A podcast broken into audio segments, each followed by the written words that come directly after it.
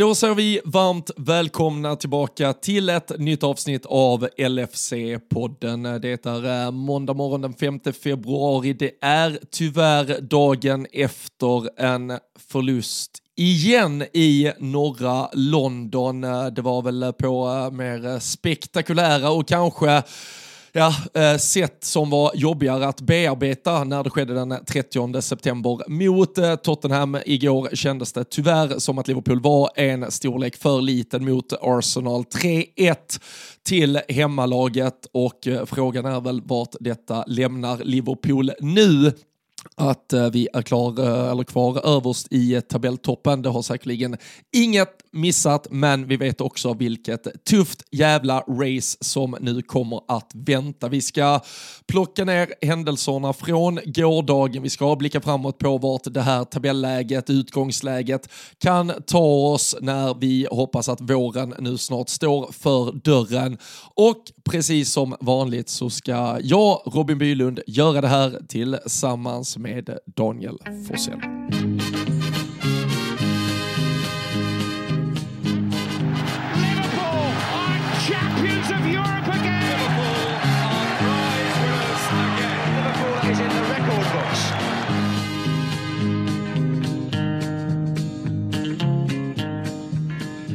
Ja, det ska jag. Och eh, dessutom, eh, Danne, får vi ju eh, ha en liten fanfar här, för jag lyckades ju säga rätt i introt. Det lyckades jag tydligen inte med förra veckan. Det var någon eh, pigg lyssnare som uppmärksammade det, för ingen, eh, varken du eller jag, reagerade på vad jag sysslade med. Nej, men exakt. Jag vet inte hur många det är som har reagerat under tiden. Kan du gissa? Det är en eh, extremt känd lyssnare till oss skulle jag säga, som gjorde mig påpassligt uppmärksam och som lyssnar på båda poddarna. Kan du gissa vem det var som eh, ska ha en liten shoutout? Alltså till hundra procent. Och du har ju inte, du har bara skickat en eh, screenshot på att någon uppmärksammade. Du har ju ja. faktiskt inte avslöjat. Men alltså till hundra procent så är det ju drabanten som har gjort ja, detta. Ja, det stämmer. Det stämmer. Och det tog, det tog verkligen mig, alltså han skickade till mig eh, att det var något fel. Och du vet, det tog så här tre, fyra genomlyssningar innan jag ens... Va, vad är det som... Vad är det, som, är, fel då? men, men, det kan man gå tillbaka om man vill ha en liten live-blooper från förra, ja. från förra veckans avsnitt. Nej, det var en, eh, det var en stökig, vad var det, var det i torsdags morse eller något mm. vi satt, jag, och jag satt och gjorde två, tre poddar på, på raken och eh, till slut så eh, blandades de ihop lite, kan vi väl det säga. Säger väl också, ja, det säger väl också något när ingen av oss ens reagerar på det heller. Det säger lite, det säger de ju tidigt på morgonen när vi är uppe och gnuggar ibland. ja, så är det. Och skönt att vi kanske då med lite lättsamhet ändå kan starta även det här avsnittet för eh, fotbollsmässigt när vi spolar tillbaka till eh, gårdagskvällen. Då var det, då var det ingen större underhållning och glädje vi bjöds på. Nej, verkligen inte. Det är ju... Det, det, är ju så här, vi, vi har ju varit bortskämda med att slippa sitta och prata alldeles för mycket förluster. Eh, framförallt den här säsongen. Vi ska väl inte säga att det har varit så under alla de, de tio åren vi har hållit igång, eller lite mer än så nu nästan ju. Men gårdagens match i, i slutändan. Jag sa det till dig här innan vi, innan vi tryckte på räck också. Alltså jag, jag var på, på, med den känslan efter matchen liksom att jag bara, jag bara stängde av igår. Jag orkar liksom inte ens ta in. Man brukar ju ändå vilja se lite så här analyser eller du vet se lite när, när man lyssnar på spelare och sånt efter. Men jag kände bara så här, nej det här var en sån hädisk insats. Eh, alltså Arsenal borta, det är ju inte så här, det är som vi sa förra eh, torsdagen där då att det är ju inte det är inte konstigt att åka ner, alltså det är varken så här chockerande eller jätteundligt att man förlorar mot Arsenal borta. Jag menar det har det ju aldrig varit och det kommer det väl kanske förmodligen aldrig att vara utan här är det ju insatsen, sättet det sker på, alltså det är så mycket sådana bitar som bara gör att man, man ville verkligen bara liksom stänga av och, och, starta om om man säger så. Det närmsta man kunde göra var ju att stänga av i alla fall. Starta om eh, lyckas man ju tyvärr inte med än så länge. Det kanske kommer tekniska hjälpmedel längre fram, men, eh, men nej, det kändes ju som att detta bara är en, det är en söndag att eh, glömma och gå vidare ifrån och, och man får väl gratulera Arsenal till att det, det, det var ju ett bättre fotbollslag som som vann igår tycker jag. Så det var ju absolut inte orättvist på något sätt. Utan nej, vi kommer väl in lite på matchsekvenserna här. Men vi, att vi ens var med i den där matchen eh, en liten stund får vi ju nästan vara glada för. Ja, och det, och det är väl därför, och vi kan lägga ut eh, texten kring det mer och så lär vi väl ändå landa i samma content att det känns ju ändå mer som ett om vi säger olycksfall i arbetet än att vi var på vår absoluta toppnivå. Arsenal var på sin absoluta toppnivå och när det var två lag på toppnivå så spelade Arsenal ut oss. Nu nu behöver vi ju inte ens ta ett Arsenal-perspektiv i den här podden, för jag antar att uh, 99,9% av alla som lyssnar ändå bara vill att vi ser det ur ett uh, Liverpool-perspektiv. Men om någon mot förmodan har uh, liksom trillat in här för att försöka gotta sig i någonting så, så kan vi ändå skicka med dem att alltså, Arsenal var ju överlägsna. De var, de var helt ja. överlägsna från i stort sett minut ett och precis som du säger så är det ju bara, det är ju bara slumpen som gör att det ens lever någonstans fram till att vi har spelat 60-65 minuter för för eh, det hade kunnat vara ja, men, begravet och eh, avgjort eh, redan efter eh, 20 och absolut efter 45 och absolut efter en timme. Det är väl, vi sprattlar väl till någorlunda inledningsvis av andra efter att vi blir lite boostade av det där jävla målet från ingenstans som vi får med oss. Men det är ju och jag tror också det är det som gör kanske den känslan, för jag hade samma som du, det här med att man bara ville stänga av, glömma, gå vidare, börja om om en vecka när det är dags för en ny match. Att det var inte ett Liverpool som var svinbra. Hade det varit att vi förlorade med 2-1 eller 3-1 på Anfield dagen innan julafton när vi möttes, när jag kände att det var, där jag där och då kände att det var typ Europas två bästa fotbollslag som möttes och det var en kamp och ett slag där ute på Anfield som ja, som svarade upp till det, där verkligen båda lagen visade att satan vad bra de är, då hade jag känt att helvete, till och med när vi är så bra så kan vi inte vinna, eller vi, kan, eller vi hade till och med förlorat, där var det väl en rättvis poäng. Här så är det ju bara att konstatera att ingen hade sin. Jag, jag tycker Konate kommer undan med någon form av heder och behåll. Jag tycker han är den som ändå försöker rädda jävligt mycket av både backlinje och högerkant och allting på egen hand. Men i övrigt så är det ju ett lag som är totalt iskallt. Och för en gångs skull den här säsongen så får inte Klopp till det heller med de val han gör. Det var lite, ja, det var lite nedskuret hur många val han hade att göra. Men i de valen han gör så får han ju inte träff heller. Och spelarna som får chansen tar inte den. Spelare som har levererat de senaste veckorna kommer inte upp i prestation. Var det hönan, var det ägget, var det Arsenal som bara sköljde över oss och var otroliga? Jag tycker väl det är lite en kombination av att vi ändå inte har vår dag heller. Ja men verkligen, det, det håller jag med om. Och det är ju redan, alltså inte för att man trodde att det skulle behöva spela kanske så stor roll. Det sippras ut redan inför eh, laguppställningar och sånt. Att, att en Soboslaj inte har åkt med ner visar väl sig vara någon, någon hamstring här. Så vi får se hur, hur länge han är borta. Men eh, sen eh, har vi även det, det tragiska med Conor Bradleys far som gick bort. Och, och vilket gör att han inte är med. Och jag menar det är lite som vi var inne på så här. Det, det är väl inte så att en, en Trent ska liksom försämra laget. Men det är klart att har du en spelare som eh, Bradley i i zonen liksom. Jag menar, de gick ganska mycket på den kanten. Martinelli, mm, på tal om att vara i zonen, så var ju han verkligen det i, i matchen igår. Och jag menar, du...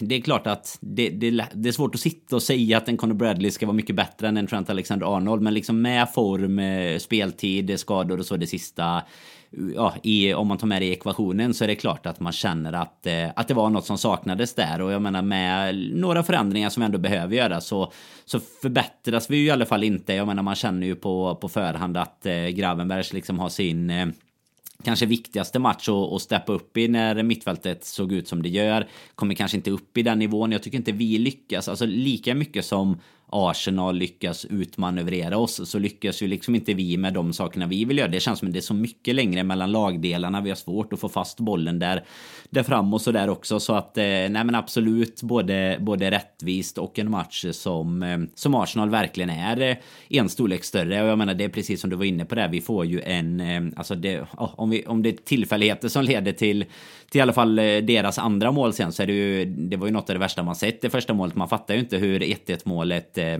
hur, det, hur den ens går in. Alltså så fort eh, Saliba har tagit sig förbi Diaz så tänker man att det är kört och sen helt plötsligt så ligger bollen i nät och det är väl därifrån och nästan i alla fall fram till 2-1 som vi ändå är med i matchen. Vi skapar någon chans. Vi, vi men det väger lite i alla fall mellan lagen. Men säg att det är en, eh, en kvart eller någonting av matchen då. Och resten så är ju, är ju Arsenal spelförande och eh, de har arenan med sig och alltihopa. Så att eh, nej, det är, man kan inte komma in här och tro att man ska få lyssna på att, att man ska hitta några bloopers i bortförklaringarna i alla fall. För här är det väl bara att konstatera och det tror jag att Klopp gör, gör efteråt också att Arsenal var, var storleken större i alla fall igår då. Ja, och eh, det var väl eh, någon, eh, någon XG-siffra på att Arsenal, de var väl uppe och touchade runt uh, tre och en halv istället och vi, vi var ju inte ens uppe på en halv egentligen och då, då gör vi ändå ett så, så det får man väl egentligen ta och uh, när vi inte det var rekord det mot Liverpool, såg du det? Det var rekord mot, mot Klopps Liverpool i, i XG mot faktiskt. Så det, det säger väl något om att Arsenal ändå ska ha med sig att det var en bra, en bra insats. Ja, och sen är det väl alla sådana där siffror är ju alltid en sanning med modifikation eftersom att uh, Martinelli får ett läge att rulla in den i öppet mål så är väl det då XG 1,0 till skillnad från att ett vanligt avslut är kanske 0,4 och sådär. Vi, vi hjälper ju dem på traven. Ja, Saka rullar ju också in den i öppet mål. De har ju två mål i ja. öppet mål så att säga. Även om då situationerna innan kanske inte är klara målschanser på det sättet utifrån hur man skapar dem utan snarare att de blir till det. Men, eh, nej, men det är alltså Arsenal överlägsna från början och jag tycker det, det man kan ge Klopp kritik för. Eh, sen är det såklart spelarna man ändå kan förvänta sig bättre prestationer av men som du är inne på, när vi, när vi tvingas, och det låter sjukt att säga så, att spela Trent Alexander-Arnold istället för Conor Bradley, mm. vilket vi kanske hade gjort även om Conor Bradley inte då hade behövt hållas utanför på grund av de här tragiska omständigheterna som vi nåddes av under lördagen, så tycker jag det blir väldigt, väldigt fel i hur han ställer upp äh, laget i övrigt framför honom, för att äh, det blir en dominoeffekt av att vi eller det blir, det blir för mycket förändring på den högerkanten där då dels uh, Trent går in istället för Bradley och sen går eh, uh, Gravenberg in istället för Soboslaj, vilket är ett rejält, rejält nedköp. Sen är det Gakpo som går in till höger istället för, ja men han går in istället för Darwin Nunes och han sätts på den där högerkanten. Han är den lataste av de tre framåt vad gäller uh, ja men, he hemjobb, löpningar,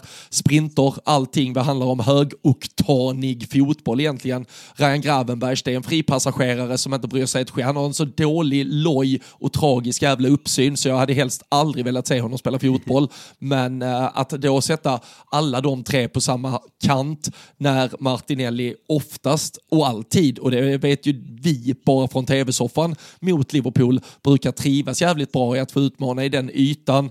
Då, då gav vi egentligen dem en äh, motorväg framåt för det var ingen som var intresserad av att spela försvarsspel spel och det var väl där jag var inne på lite då att Kunate ändå länge kommer undan med jävligt mycket heder i den här matchen för han är ute och försvarar egentligen all den yta som finns på den och lämnas på den kanten.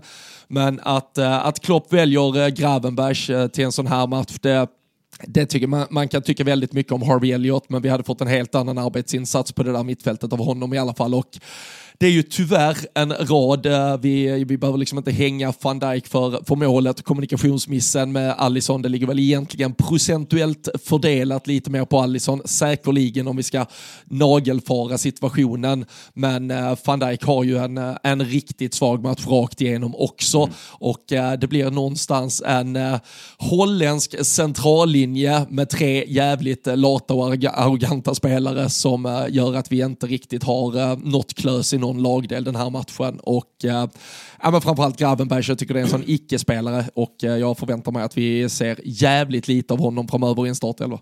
Ja, och det är ju tråkigt att det känns så, men det, alltså det har ju verkligen gått eh, neråt för nästan varenda insats som, eh, som han eh, står för egentligen. Alltså det, det, man, han kom ju ändå med, med ganska mycket förhoppningar tycker jag. Alltså man, man kände ändå att det var en, eh, en sån typ av mittfältspelare som vi hade kunnat behöva. Men jag vet inte, det känns inte som att han antingen är det att han inte kommer upp i, i liksom tempot i Premier League, men framförallt tycker jag det stora problemet är just det som du är inne på där. Alltså det känns så jäkla obrytt och lojt liksom. Det lite så här, eh, ska man dra några paralleller till en spelare man har varit ganska mycket irriterad på de senaste åren så är det ju en Naby Keita liksom som hade höjderna istället i, i sina fötter kanske och offensivt. Men som sen när man tappar bollen eller sådär man tycker att när, man ser liksom resten av laget på något sätt eh, liksom speeda på och jobba som de gör så känns det som att det inte... Det, ja, hur kan man själv inte känna att man också måste lägga ner typ samma typ av arbetsinsats? Liksom. Ser man en Diogo Jota som bara springer och pumpar överallt eller som du säger en Konate som är ute och är lika mycket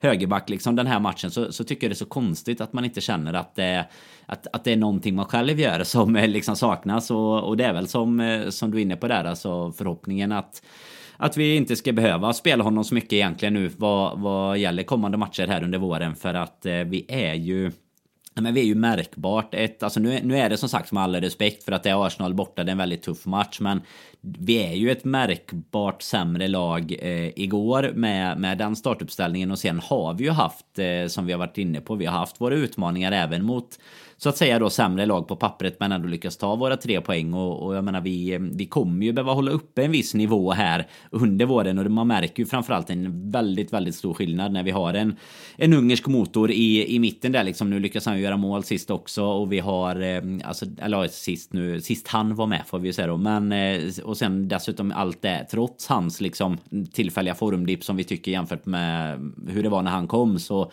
så besitter han ju så enormt mycket mer kvalitet som vi behöver på mitt mittfältet än vad, än vad egentligen de andra gör. Så att eh, nej, vi eh, hoppas väl att inte, i alla fall inte Mannefall ska behöva göra att vi, att vi tvingas ställa upp med Gravenbergs. Utan det, nej, vi eh, hoppas för hans skull att det kommer bli mer speltid längre fram sen. Men det, det lär ju inte nej, bli det, det närmsta i alla fall. Nej, du tänker att det är till, till, sommar, till sommaren här så, så får han ryka igen. Nej, alltså, nej, det kan man säga. Och jag, jag hade stora förväntningar. Jag tyckte han gjorde ett par jättefina matcher i höstas. Alltså, får han bollen och kan driva boll på mittfältet så har han ett jättefint steg. Men det, det är en alldeles för loj arbetsinsats för mm. att fungera i, uh, ja, men i, i det spelsätt som, uh, som Klopp nog förväntar sig och det han vill se av sitt lag. Det, det, det är egentligen därför det förvånar mig väldigt mycket att Klopp vill spela honom den här typen av match, för han är egentligen allt som vi inte vill se av en mittfältare den här typen av match tycker jag. Och eh, det är ju ganska uppenbart om vi går tillbaka till ja, men det omvända mötet på Anfield där dagen innan julafton där vi, eh, då ställer vi upp med Curtis Jones, Endo och eh, Soboslaj. Så det är ju Endo och Soboslaj out, det är McAllister och eh, Gravenbergs in. Där tyckte jag det var en mittfältsmatch som var bland, ja, men bland de bättre och eh, fan mest eh, högoktaniga och frenetiska mittfältsmatcher vi har sett den här säsongen mellan två mittfält som var ja, men helt briljanta och åter, det var återerövringsspel åt båda håll, fanns stup i kvarten. Medan vi igår blev totalt uppätna. Och eh, vi har ju pratat om en eh, McAllister som en helt briljant sexa i kanske 85% av all typ av eh, matchbild vi spelar och där vi till stora delar ofta är spelförande och att han kan ligga där lite bakom, återerövra, han kan sen fördela boll, men när matchen skruvas upp till det tempot den gör igår, när det är Martin Ödegård du möter vad gäller fötter offensivt och när det är en Declan Rice du möter i fysiken defensivt. Och då blev det lite övermäktigt och uh, här tycker jag ju därmed, alltså så här, om vi uh, var tydliga med att resultatet och insatsen inte på något sätt kan bortförklaras så kanske det också ändå till slut bara kostar lite för mycket att, ja men som vi sa, Soboslaj är borta, ändå inte tillbaka här från asiatiska. Salah är inte där, Nunes kommer inte till start, Trent var ju inte riktigt redo för stenhårt jobb i 90 minuter, Robertson kommer in till slut, men det märker man ju där också att det inte är fullt. Pratar man då fem, sex potentiella startspelare som inte kommer till spel borta mot ett Arsenal som mer eller mindre är fulltaliga, som mer eller mindre vet att säsongen står och faller med den prestationen de har där, då kanske man inte ska förvänta sig att vi ska kunna vinna. Sen tycker jag ju ändå att vi skulle ha kunnat göra en mycket bättre match. Vi hade kunnat stå upp bättre, vi hade kunnat ta en annan approach. Klopp hade kunnat göra några ändringar i förhållande till det lag han ändå ställer ut. Nu skickar vi ändå på David Nunes med drygt 40 minuter kvar att spela. Kanske hade han kunnat starta och spelat 60 och så hade vi kunnat leva lite längre i den här matchen. Det finns väl anledningar till att vara efterklok. Men eh, som sagt, vi, man, får, man får nog se det som det här jävla olycksfallet i arbetet. Gräva ner sig, slicka såren, börja om. Och det, man hörde ju, jag, jag gjorde som dig, jag stängde av, men man har ju läst in det i efterhand på, på van Dijk Klopp att alla alla var ju medvetna om hur jävla uselt det där var och man får hoppas att alla är jävligt taggade på att ställa det till rätta med start på lördag mot Burnley. Sen är det ju också bara att konstatera att vårt bortaspel i förhållande till vårt hemmaspel har ju inte, nu har vi tagit vår beskärda del av poäng, men det har ju varit stor skillnad i spelmässig prestation ifall vi har spelat inför Anfields läktare eller om vi har varit uh, ute på resande fot. Ja, men så är det verkligen. Och det är lite det jag var inne på innan, just att vi har ju tagit en hel del trepoängare löpande under säsongen här som, eh, som egentligen kanske också varit lite oförtjänta sett till matchbilden. Och då, då pratar vi liksom inte mot dem.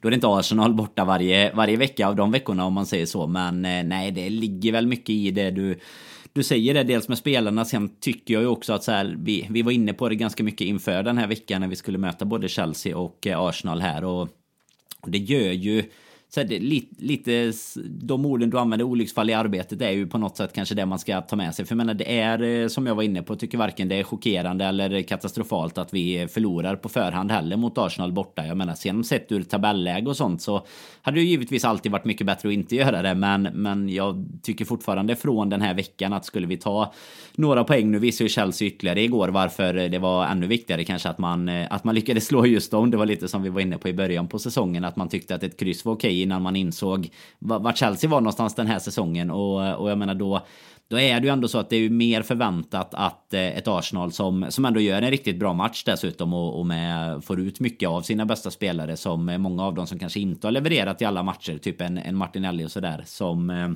som verkligen är på hugget den här. Så att nej, jag, jag tycker väl egentligen inte att man kan göra så mycket annat än att ha den självinsikten som, ja men typ som van Dijk eh, har, som du säger, han går ut efteråt och säger att han, han tar på sig mycket av det. Det ska han med all rätt göra för både insatsen i sig, men sen också insatserna på, på separat på både andra, men framförallt kanske tredje målet för hans del och tillsammans med Alisson då så så är det ju bara konstaterat lika illa som det var i resten av laget, lika illa var det ju i dem i ja, de, alltså, eh, går man till ett par situationer de första 15-20 minuterna så tar vi första, första målet. Hur, hur kunna, där, där kan man väl också säga att kunna ta brister med, med mittbacks eh, mm. i hur man brister i kommunikation med mittfältet kring Kai Havertz löpning framförallt och sen så har ju uh, van Dijk en jävla indianare bara någon minut efter där han bara säger och det kändes liksom lojt direkt från början. Det kändes som att och det sjuka är ju att det är ju en, alltså det är en copy-paste på de första 15-20 minuterna från fa kuppmötet där vi blev ja, men översköljda och inte kom loss från eget straffområde överhuvudtaget.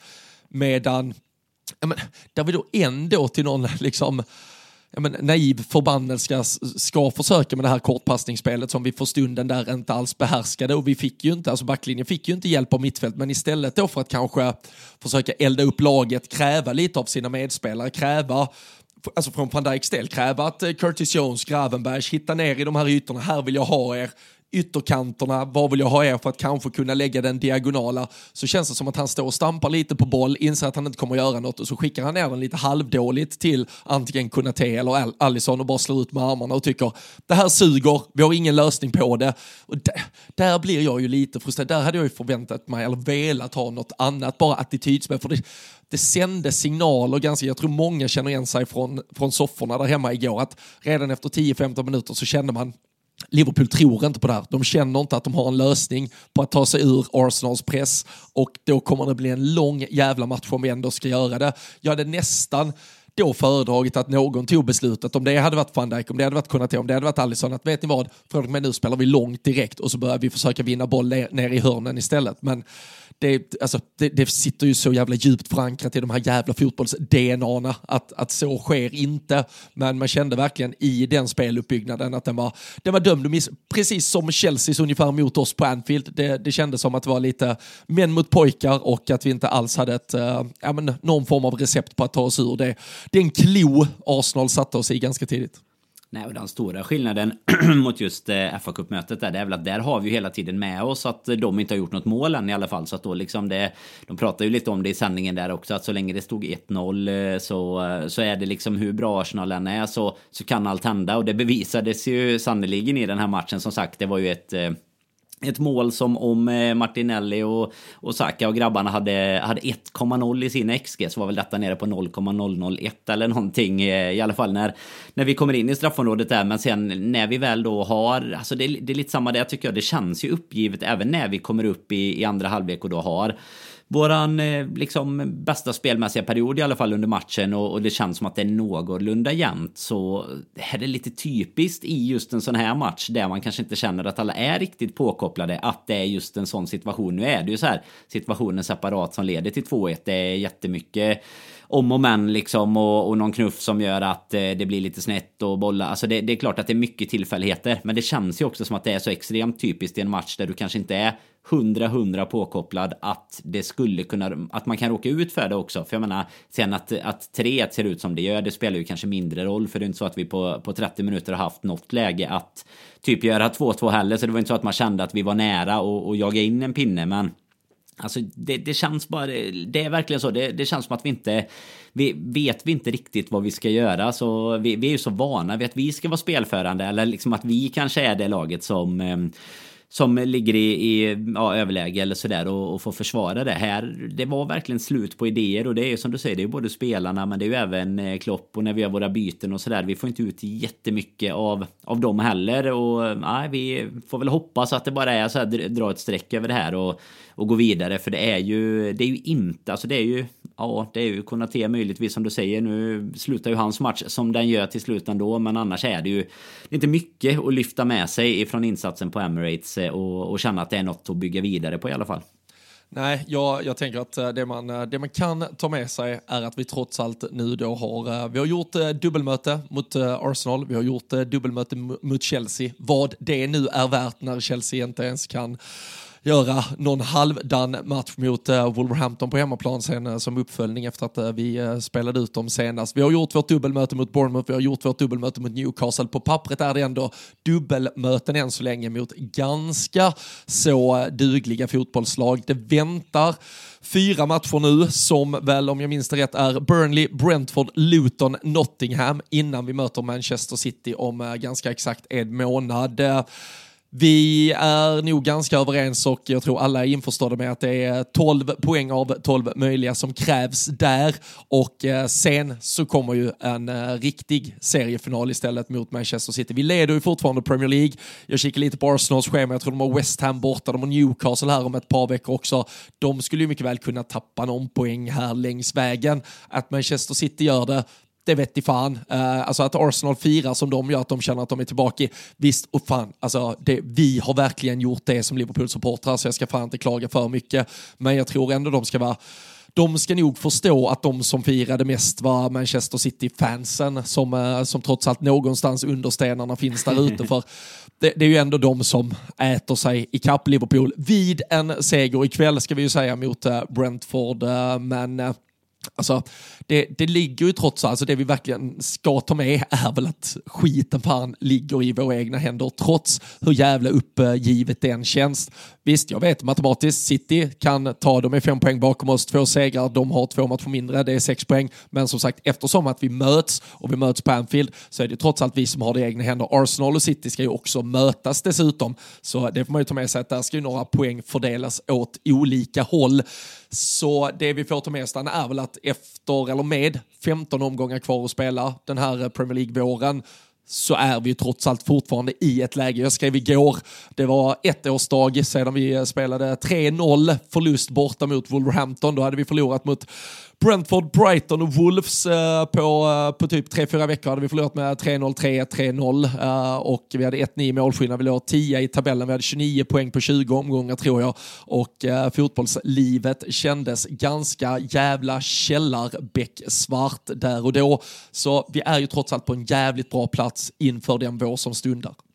Ja, och framförallt har ju vi satt, eller Liverpool rättare sagt, satt en helt orimlig nivå på vad vi förväntar oss av dem för att det blir, att det blir så här pass eh, gnälligt är väl kanske fel ord, men liksom att, att det blir så här pass besviket så, det beror nog mycket på insatsen också igår, men, men just annars att det är en förlust mot Arsenal, det är ju som, som sagt, det kan ju inte vara helt chockerande för någon att det kommer komma någon förlust. Jag menar, nu har vi två förluster på hela säsongen i, i ligan än så länge då, som du, som du är inne på, ligger det ju ändå i i våra egna händer. Jag tror att eh, går man, gör man den här klassiska utzoomningen och frågar sig om man hade tyckt att det här var ett bra utgångsläge när man satt i augusti och någon hade sagt att det här får du måndag 5 februari servera till dig så är det nog eh, nej, men ganska få som hade sagt eh, nej till det här läget i alla fall. Utan det är ju helt, eh, vi sitter ju fortfarande i en, i en pole position även om den är något svagare nu än vad, vad den var när man vaknade igår. Men eh, nej, absolut, det är ju, det är ju bara att gå vidare här och så ta sikte på att eh, att göra de här riktigt, eh, alltså gö göra insatserna nu mot de här lagen som är en bit under för att det är ju de som eh, som bekant avgör lite i slutändan. Sen vad som händer just i matcherna internt eh, oss emellan. Det, det är givetvis jätteviktigt, men eh, de, poängen man eventuellt tappar mot de sämre lagen, det är tyvärr oftast där man känner att man kanske hade kunnat göra lite mer. Jag menar som, som vi har varit inne på här nu under någon halvtimmes tid så, så visst, Liverpool hade kunnat göra mer, men vi hade ändå haft svårt att, att få med oss tre poäng så som förutsättningarna såg ut igår, är känslan. Eh, men eh, jag menar... Jo, mot... jag, jag, jag tycker det blir, alltså så här, nu, efter, eftersom jag är så väldigt övertygad om att uh, om, om vi ska vinna en Premier League-titel, då är det Manchester City vi ska slåss med. Det kommer inte i slutändan vara Arsenal. Det, är, det, det säger jag inte för att Arsenal är det, men jag, jag, jag, tror i alla fall att det är så situationen är.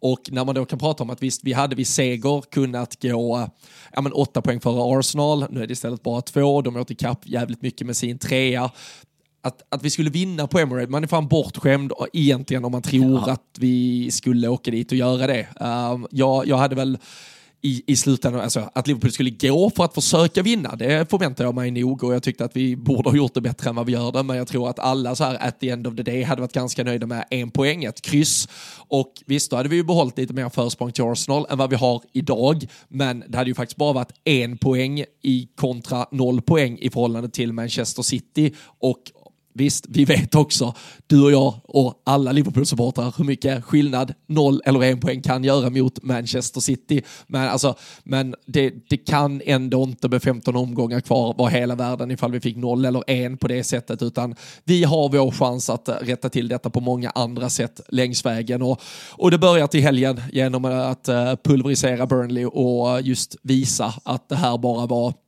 ja, men, något undantag som bekräftar regel på att vi egentligen är ett eh, fotbollslag som, som har jävligt mycket kvalitet och eh, jag känner väl med tanke på hur det har sett ut i våra hemmamatcher de senaste, det var väl någonstans att vi snittar väl typ så här 25-30 avslut varenda match. Vi, vi pratar om David Nunes missar och hur vi kunde varit uppe på 8-9 mål med lite eh, maxflyt mot Chelsea senast.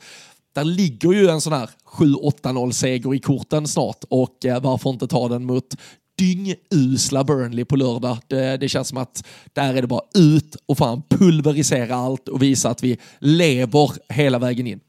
Ja, och framförallt så är det ju väldigt mycket av framgång liksom definieras ju någonstans i hur du hur du då reagerar på den här typen av nederlag. Och jag tycker väl eh, lite som, eh, som vi har pratat om här under avsnittets gång. Att liksom både Klopp var ute, van Dijk var ute och, och så vidare då ganska fort. Och liksom konstaterade att det här var inte bra nog. Det var, ja huruvida det var, var någons fel eller inte liksom och sådär. Och då, det tycker jag är ett ganska, det är ändå ett ganska skönt sätt att kunna se på det efter matchen. Eh, att direkt ändå känna alltså att van Dijk kan inse så här att fan jag gjorde ingen bra match. Det ska bli bättre nästa vecka. Och där, där känns det som att när, när de kommer till eh, till träningen i, idag här liksom så är det ju bara så här, det är bara att titta på ja, men ta nästa steg och titta framåt liksom. Jag tror inte det är väldigt lätt som supporter att liksom fastna i det här och så är det just mot Arsenal-supportrar. Eh, vi, vi svenskar framförallt så är det väl liksom Arsenal och United och kanske någon Chelsea-supporter där ute som man, man liksom själv eh, tampas lite med om man säger så eller det, det man har i sin bekantskapskrets. Men liksom det är inte så att de bryr sig så mycket om vad som händer utan de konstaterar ju att eh, det inte var gott nog och att det kommer bli Burnley som tyvärr kommer få ta skiten för det. Det tror jag definitivt. Framförallt eh, som du är inne på, det är hemmamatch.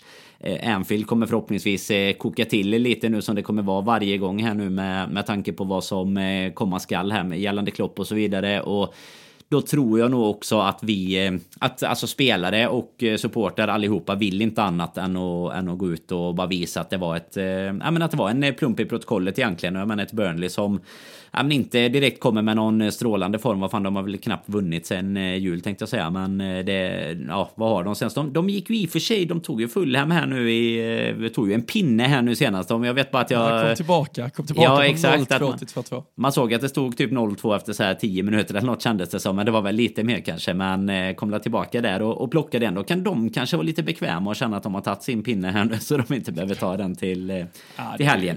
Ja, tillsammans. Ja, jag, ska väl, jag ska väl visa tillräcklig respekt och ändå hålla Sheffield United som ett ännu sämre fotbollslag, men Burnley, det har ju varit en, det har varit en hädisk eh, Premier League-säsong för dem eh, så här långt. Eh, därmed ser man ju lilla nykomlingen Luton som sprattlar för livet. Han verkar ju ha liksom gått in i någon sån här eh, bara fuck it-attityd och, och, bara kör. Fyra mål mot Brighton, fyra mot Newcastle. De, eh, de har vi ju också här om eh, två veckors tid lite drygt. Det, blev ju en, det var den vi skulle ha spelat mot, eller när vi istället spelar ligacupfinal mot Chelsea så det blev ju en midweek här om ja, lite drygt två veckor istället. Nu har vi ju två veckor på rad här där vi bara spelar lördagsmatcher så det är ju sista någonstans. Det här är ju perioden perioden där vi ändå ska slicka lite sår, se till att sådana spelare som eh, Soboslaj och Nunes är eh, fit for fight snart igen. Sala ska tillbaka. Endo, som sagt, Japan utslagna, kommer tillbaka också till träningsanläggningen snart här. Trent Robertson, få upp dem på full fart. Alltså det finns ju väldigt mycket som står väldigt rätt vad gäller truppläge. Alltså det, det, var, det blev en period med, med Afcon och asiatiska mästerskapsskador. Vi skulle överleva det. Återigen där, alltså det, som du sa, alltså hade man frågat innan säsongen, tar ni det här utgångsläget? Hade man frågat innan januari och spelare som skulle försvinna, tar ni avancemang i, i FA-cupen, plats i ligacupfinalen, ni tar, vad blir det då vi landar på, 9 av 12 Premier League-poäng och då hade vi Newcastle, vi hade Chelsea, vi hade Arsenal. Man hade nog tagit det med. Alltså, som sagt, vi behöver inte zooma ut asmycket för att ändå konstatera att vi, vi är på ett ganska välmående ställe. Och eh, med tanke på då att eh, truppen snarare förhoppningsvis om allt går rätt här boostas och uh, ger Klopp ännu fler verktyg. Till och med en Thiago som kastades in, gråhårig och dan efter att ha uh, varit uh, ja, men, missing people i vad sa du? du? Du hade statsen på det, var det slutet av april va? Han senast var i, i spel, så det är ju nio månader eller något sånt. Men, ja, men exakt det är ju ett, ja, ett, ett truppläge och ett slagläge som ändå finns där och uh, vi har ju sett oss gå på, på bra uh, streaks under uh, vår säsonger förr med, med Klopp så nog fan ska det kunna bli något kul av det här trots att man kanske då några timmar den här måndagen känner sig lite nedbruten av gårdagen.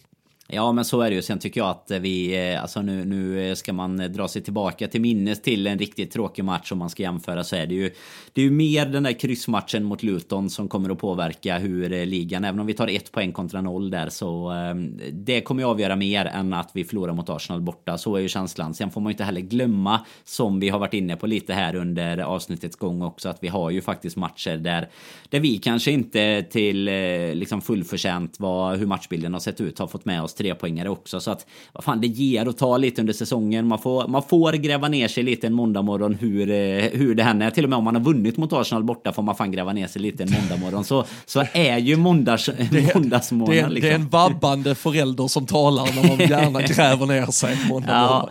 Vi fan försöker hitta något hål här i den kyliga marken om det går att gräva ner sig någonstans. Men nej, men det är ju, det är ju som sagt, det är ju eh, ändå så att man man, eh, det, det ger och det tar under säsongen. Vi har ett bra läge och eh, vad fasen man, man får väl göra så som vi eh, uppmanar laget och Klopp till att göra. Att bara verkligen gå vidare från det. Man, som sagt, man får vara lite besviken. Men när, när veckan börjar snurra här igen. Nu har vi som sagt ingen, ingen midweek fotboll här och se fram emot. Men desto mer sikte på just Burnley då. Sätta liksom spetsen mot, mot dem på lördag där. Och det är väl som du är inne på. Nu kommer ju truppläget förändras lite med. Vi har ju en del. Vi har både Trent Robertson och så vidare från tillbaka tillbaka från, eh, från skador. De får någon vecka på sig och, och förbereda sig här och så där. Och så får vi väl eh, hålla en liten tumme för Brentford i, ikväll med först. Det kan ju ha hänt saker innan ni lyssnar på, mm, på det här. Vi sitter ju här... De har ju trots allt skrällt ja. mot storlag på hemmaplan så. framförallt. Så, så är det ju absolut. Tony tillbaka. Jajamän, jajamän.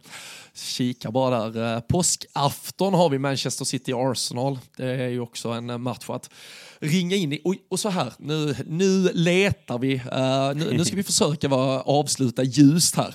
Men att Arsenal är med på allvar, eller i alla fall tror det själva, i titelstriden. Gärna i de två månaderna så att de verkligen åker till City borta och med näbbar och klor slåss för minst ett kryss då. Istället för att de åker dit, är utcheckade, 12 poäng efter toppen och hade ju fått 5-0 i prutten då mot City. Så vad fan, det kanske det är bara bra att Arsenal vann över oss. det är, jag, alltså jag landar helt i dur här efter att vi har uh, bearbetat detta i uh, dryga 40 minuter. Nej men absolut, det är helt rätt så att de kan vara, vara med och utmana City sen. Nu har ju de, eh, de alla Champions League nu och spelar lite också. Det kan väl bero, bero mycket på vad som händer i ligan och vad som händer där eh, fram tills, eh, tills påsk då innan vi, vi ser. Men det är klart att eh, någonting kommer de ihåg att spela för oavsett. Det, det kan vara fortsatt Champions League-spel eller det kan vara, kan vara en liga. Så att det ska vi väl, det ska de väl absolut ha, ha med sig här. Och vad fasen det vi, är lite på samma sätt som laget ska ta en match i taget så är det City ska fan, de ska ta sina poäng med. Jag vet att om man tittar på deras resultatrad att det ser, det ser inte jättetrevligt ut ur vårat perspektiv. Det är mycket grönt i den raden det sista men nej, varför inte börja idag? Ja, nej, det finns en liten känsla att Brentford ska Nej, de, de ska fan skaka till lite här idag. Hemmaplan, ja. det känns som måndag, du vet, det är, det är så här, de, de gillar det känns det som. Fokuset är på Brentford liksom. Ja, nej, men det är ju klart alltså att uh, förstöra festen, det är ju, det är ju alltid uh, kul. Så vi hoppas att det är ett uh, kokande jävla, vad fan heter den? Community Stadium, heter den Ja, det, det, det heter väl, precis, ah, den heter väl typ Brentford Community Stadium eller någonting heter den va? Riktigt jävla deppigt namn faktiskt. Ja, det är lika ja. stort som Borås Arena ungefär med 17 000 eller någonting tar den väl. Men det kan koka, det kan koka. det kan koka ändå. Minst premiären mot Arsenal, fy fan, den, det är ju den man kommer alltid, där, därför kommer Brentford, vet de har lite det här som Burnley och alla har haft, liksom tuff bortamatch bara för att man har sett eh, typ, eh, de, har, de har haft strålkastarljuset på sig mot eh, Arsenal och, och några sådana matcher där de har gjort det ja, men riktigt bra. Och då känner man liksom att nej, men det kommer alltid vara ja, de, Brentford borta. De, de, de, var ju ett av lagen där då som sagt för, så för ett år sedan i den där dystra vinterperioden som körde över oss i alla fall på den där läktaren också, arenan. Så ja, men det var, visserligen, det, det var visserligen ett Liverpool inte lika starka som Manchester City, ska vi vara tydliga med. Nej, vi har väl någon gammal 3-3-match där väl från första säsongen när ja, de uppe, är inte storträffen? Stor ja, ja. Vet du vem som gjorde mål? Curtis Jones. Gjorde ja. Mål. Ja, ja, fina till. Cirkelslutning. verkligen, verkligen.